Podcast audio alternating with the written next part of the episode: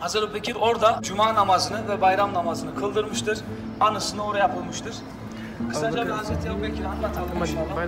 Peygamber sallallahu aleyhi işkence yapılırken Kabe'de sadece Hazreti Ebubekir gider ve ona yardım eder. Hazreti Ebubekir'in hatta göğsünün üstüne otururlar, terliklerle vururlar kendisine ve kanlar içinde kalır, bayılır.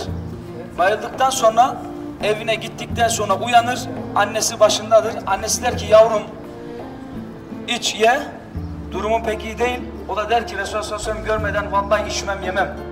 Resulullah sallallahu aleyhi ve sellem nerede der ve oraya Peygamber Efendimiz gelir ve o an Hazreti Ebubekir der ki Ya Resulallah anneme dua et de iman etsin. Peygamber sallallahu aleyhi ve sellem onu kırmaz, ellerini kaldırır ve dua eder. Amin der. Ellerini indirirken Hazreti Ebubekir annesi iman eder. Hazreti Ebubekir hep ilklerin başıydı. Yol arkadaşı seçerken Peygamber sallallahu aleyhi ve sellem kimi seçer? Onca sahabe için Hazreti Ebubekir'i seçer. Biliyorsunuz Sevirdağ'a saklanırlar. Orada Peygamber sallallahu Hazreti Ebubekir'in şurasında uyur. O an Hazreti Ebubekir küçük bir delikten rivayetlere göre bir yılan görür. Hazreti Peygamber sallallahu uyanmasın diye o, o deliği ayağına kapatır ve o yılan Hazreti Ebubekir'in ayağını ısırır. O acıdan Hazreti Ebubekir ağlamaz, bağırmaz, çağırmaz, gözünden böyle yaş akar ve o yaş Peygamber sallallahu aleyhi ve sellem'in yüzüne dörgede damlarken uyanır ve der ki ya Ebubekir ne oldu?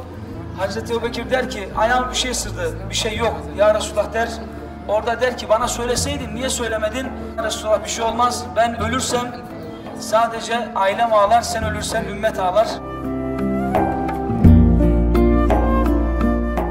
Mescitte Efendimiz sorar, kim gece infak etti, kim hasta ziyaret etti? Hazreti Ebubekir ben der. Kim bir ihtiyaç sahibinin ihtiyacını giderdi Hazreti Ebubekir yine ben der. Kim hasta ziyaret etti yine ben der. Her seferinde Hazreti Ebubekir öncüdür. Ve Resulullah sallallahu aleyhi sorar kim Mescid-i Nebevi'nin arsasını satın alacak? Hazreti Ebubekir ben der. Orayı satın alır.